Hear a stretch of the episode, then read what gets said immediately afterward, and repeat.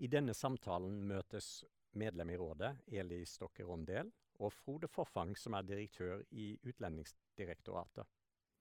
Eli er et av rådsmedlemmene som har vært med Digitaliseringsrådet siden det ble opprettet i 2016. Til daglig jobber Eli som enhetsleder for IKT-prosjektportefølje i Helse Sør-Øst. Frode Forfang på sin side har ledet UDI siden 2012. Velkommen. Takk. La oss starte med å bli litt bedre kjent med gjestene våre. Eli, fortell litt om deg selv og det du jobber med. Jeg er ansvarlig for IKT-prosjektporteføljen i Helse Sør-Øst RHF. Og vi er landets største helseregion, og prosjektporteføljen består av ca. 30 prosjekter og et årlig budsjett på ca. 900 millioner kroner.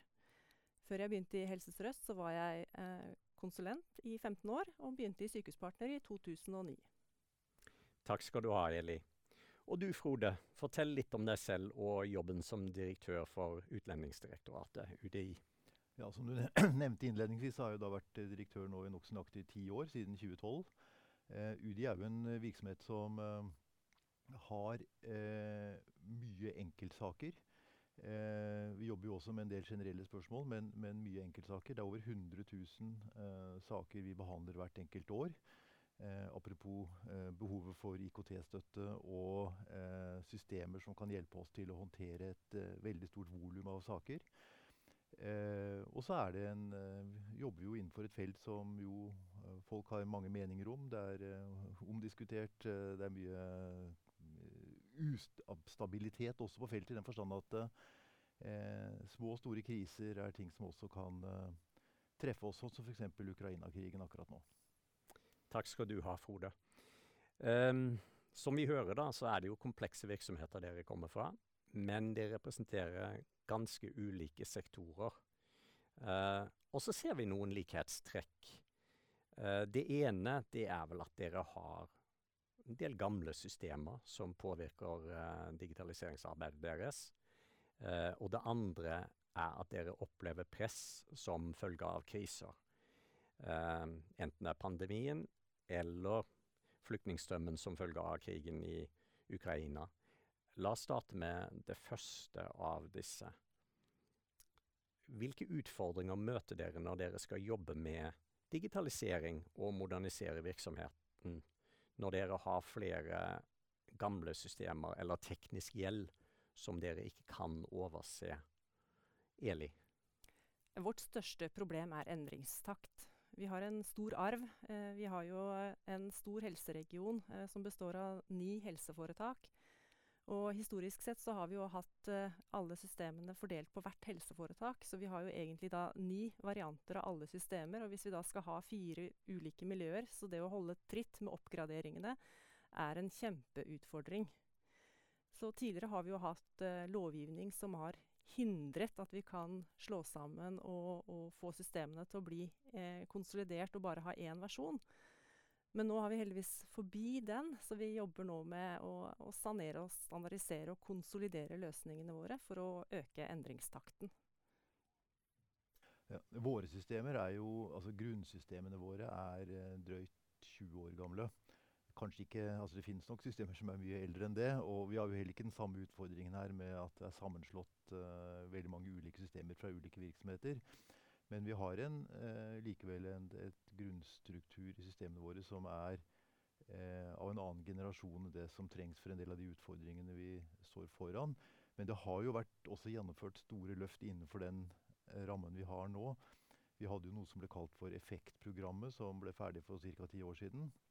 Som jo innebar at vi, basert på den opprinnelige grunnmuren, eh, gjorde en, en, del store løft. F.eks. å gå helt over fra papirbasert saksbehandling til, eh, til full elektronisk saksbehandling. Pluss en rekke andre ting på toppen av det. Slik at eh, vi har fått gjort en del basert på disse systemene. Men det vi ser, er at hvis vi skal få gjort uh, de neste store løftene, så, så, trenger vi også å få gjort noe med selve grunnstrukturen. Vi kan flikke litt på det vi har, og, og, og gjøre forbedringer også innenfor det vi har. Men skal vi få gjort liksom, de store løftene, så må vi også eh, se på hele strukturen som ligger i bånn, Det andre likhetstrekket eh, det er at dere da begge har erfaringer med å jobbe i store nasjonale og internasjonale kriser. Eli, hva tenker du om, om det?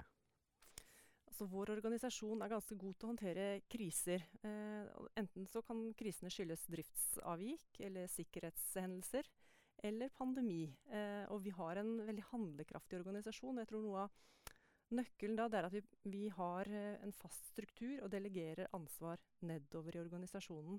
Og det er da ingen spørsmål om prioritering, for det er det som er den vanskelige balansen i hverdagen. Hva, hva har første prioritet? Men når det er en hendelse, som pandemi, eller andre sikkerhetshendelser, så er det, er det ingen spørsmål lenger. Da har man delegert myndighet, og uh, alle drar i samme retning. Ja, vi har jo også altså vi har jo en, en, en uh, stor mengde saker, og stor del av vår virksomhet er jo stabil, uavhengig av på en måte, kriser og ytre hendelser. Men så vet vi at vi, eller så har vi erfaringer fra flere år tilbake at, uh, at vi blir veldig påvirket av store hendelser. Og at på en del av de spørsmålene eller sakene vi jobber med, så, så er det veldig for, uforutsigbart hva som skjer. Og vi kan uh, risikere å måtte snu helt rundt på prioriteringer eh, for å kunne håndtere en krise. Vi hadde jo den store flyktningkrisen i 2015, eh, som jo satte oss på en ganske stor prøve. Eh, så har vi jo Ukraina-krigen nå, men vi har hatt en del andre som kanskje har vært mindre eh, profilert offentlig, men, men som, eh, hvor, hvor, det har vært behov for måte, å bygge opp og ned eh, virksomheten eller håndtere en mer sånn akutt krise. Så den type situasjoner er eh, nokså typisk for vår virksomhet, men samtidig har vi en ganske stor drift i tillegg til det som vi er nødt til å holde gående også når det er krise på ett av de områdene vi jobber innenfor. Da. Denne uforutsigbarheten som Frode er inne på, hvordan uh, ser du på, på, det, Eli? Det er jo en balanse da, mellom det å ha som du sier, den stabile driften i bunn, som ikke må på en måte bli berørt av det. Eh, og samtidig så må vi jo da klare å mobilisere den, eh, den, håndteringen i krisene. Og jeg tror det viktigste da, det er å trene på det og være godt forberedt. Og ha gode rutiner. Og det, det oppfatter jeg at er eh, viktig. Og samtidig så må man også kunne improvisere. Uh, for det er jo ikke lett å forberede seg på, på, alt. Sånn som da pandemien traff oss, så måtte vi jo plutselig hadde, Hele logistikkjeden falt jo sammen. Så måtte plutselig etablere en ny logistikkjede. Uh, og det å på en måte få alle da til å dra i den retningen, det, er kjempevanskelig og viktig. Mm. Men, men hvordan, hvordan, rigger dere organisasjonen for å håndtere noe sånn?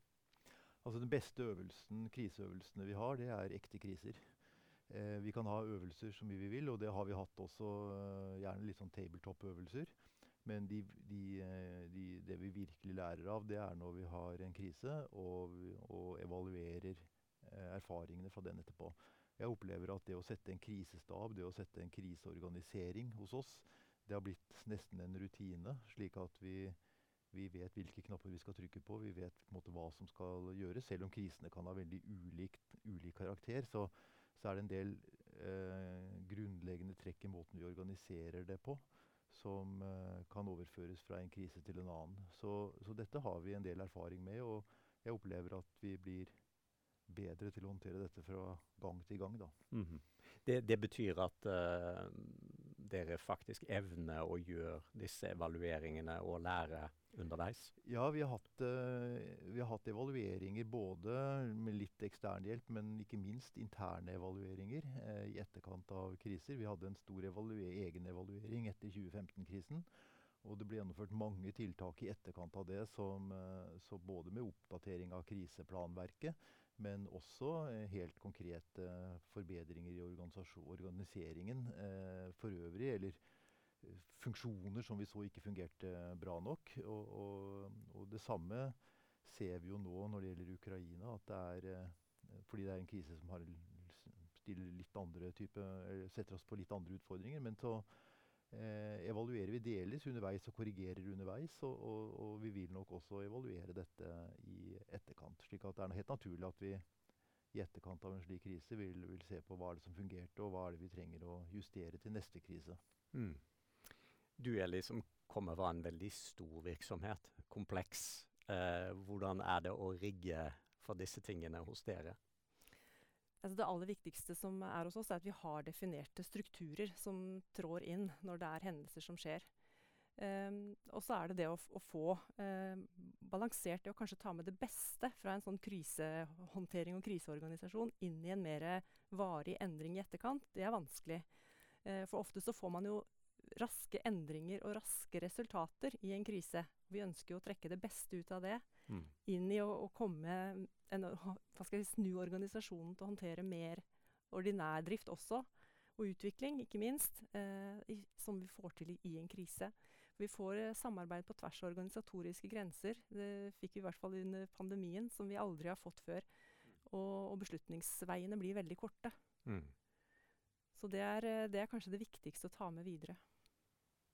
Ja, Vi har jo noen av de samme, samme erfaringene.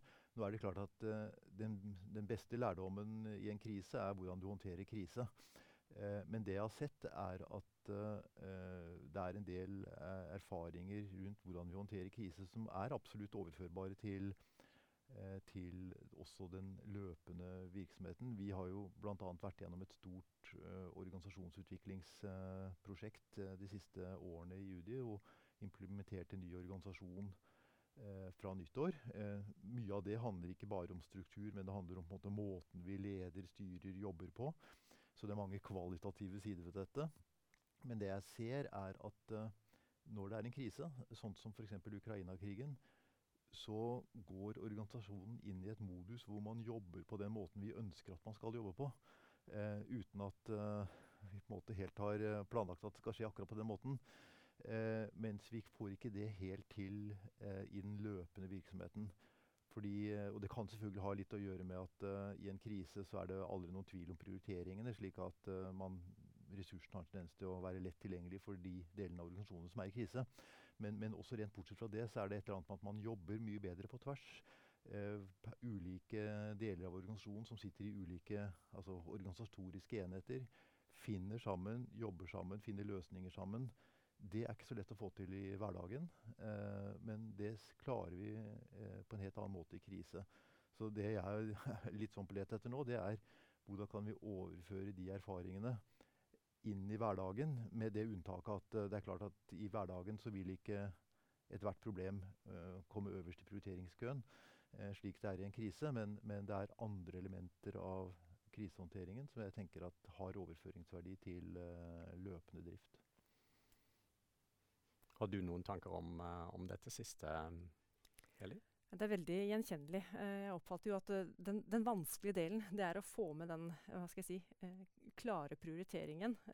fordi det, det, stiller spørsmål ved det i det normale. altså Bare det at vi har 30 prosjekter i prosjektporteføljen. det er jo ikke lett å se hvilket har førsteprioritet. Og det er jo ikke én førsteprioritet nødvendigvis over tid. Det er det så lett i en krise. Da har du førsteprioriteten din. Eh, så den jobber vi fortsatt med. Det å få den dynamiske organisasjonen til å levere også varig etterpå. Uh, avslutningsvis uh, tenkte å utfordre dere bitte litt. Den er litt vrien, denne. Dersom dere hadde vært uh, henholdsvis helseminister og justisminister for en dag, uh, hva, hva, hadde dere gjort for å hjelpe sektoren uh, til å lykkes? Uh, og, og, og, hva hadde dere forventa av uh, sektoren? Eli først. Det er jo en utfordring å skulle peke på noen én eller noen få ting, så jeg tenkte jeg må peke på to ting. Det ene er eh, på grunndataområdet, som jeg oppfatter at spesielt legemiddelområdet er veldig vanskelig å få helt, helt kontroll på. Det er mye legemiddelfeil. Så det å jobbe med gode grunndata på legemiddelområdet det er det ene. Og så er det andre det er at vi ønsker jo å få eh, det beste ut av alle leverandørene våre. Eh, og få alle systemene til å snakke sømløst sammen. Og da må vi ha standardiserte grensesnitt. Og det har veldig tydelige krav til alle leverandørene i det norske markedet om å, å dekke åpne og, og, standardiserte grensesnitt, da tror jeg vi hadde kommet eh, langt. Grunndata og mm. standardiserte grensesnitt. Dette mm. høres vel eh, aktuelt ut for, eh, for flere områder. Ja da, og, og, nå er det jo slik at en justisminister å være det for én dag ville vel ikke skapt store resultater. Men man fikk være det for noen år, så, så, ser jeg noen uh, muligheter. Men uh, det er klart at, uh, det, er klart at det, det, som jeg ser som en sånn stor utfordring på utlendingsfeltet, da, det er jo at uh, for det første er det en litt kompleks organisering. Det er mange aktører som uh, skal spille sammen. Og vi skal ha sømløse overganger mellom de ulike aktører. altså Det er utenrikstjenester, det er politi, det er uh, integreringsmyndighetene, det er kommuner. Det er, det er, en lang rekke aktører som skal spille sammen. Og det å få måte, utvekslet informasjon og få alt til å flyte mellom disse på en god måte, er, eh, er krevende. Og så tenker jeg også at eh, vi er jo leverandører av informasjon til ikke bare utlendingsmyndighetene, men til hele samfunnet av nye borgere i Norge. Eh, det er jo to leverandører av nye borgere. Det ene er fødeklinikkene, eh, som leverer 50 000-60 000 i året. Men vi leverer altså rundt 30 000 i året, så det er ikke helt ubetydelig tall, eh, det vi holder på med heller. Eh, og det er det vi leverer inn der, som på en måte er utgangspunktet for at alle andre myndigheter i Norge vet hvem som oppholder seg i Norge, hvilken oppholdsstatus de har, hvilken identitet de har. Eh, og eh, det har ganske stor betydning hvis dette kunne gli bedre, og den informasjonen kunne deles lettere og brukes av andre på en enklere måte det ville skapt uh, store forbedringer for, uh, for, ikke bare utlendingsmyndighetene, men for, uh, for, mange andre sektorer i Norge. Både i offentlig og privat virksomhet. slik at der ser jeg i hvert fall noen store muligheter som det ikke er mulig å løse over natta. Men, men jeg ser i hvert fall en retning her som vi absolutt behøver å gå i.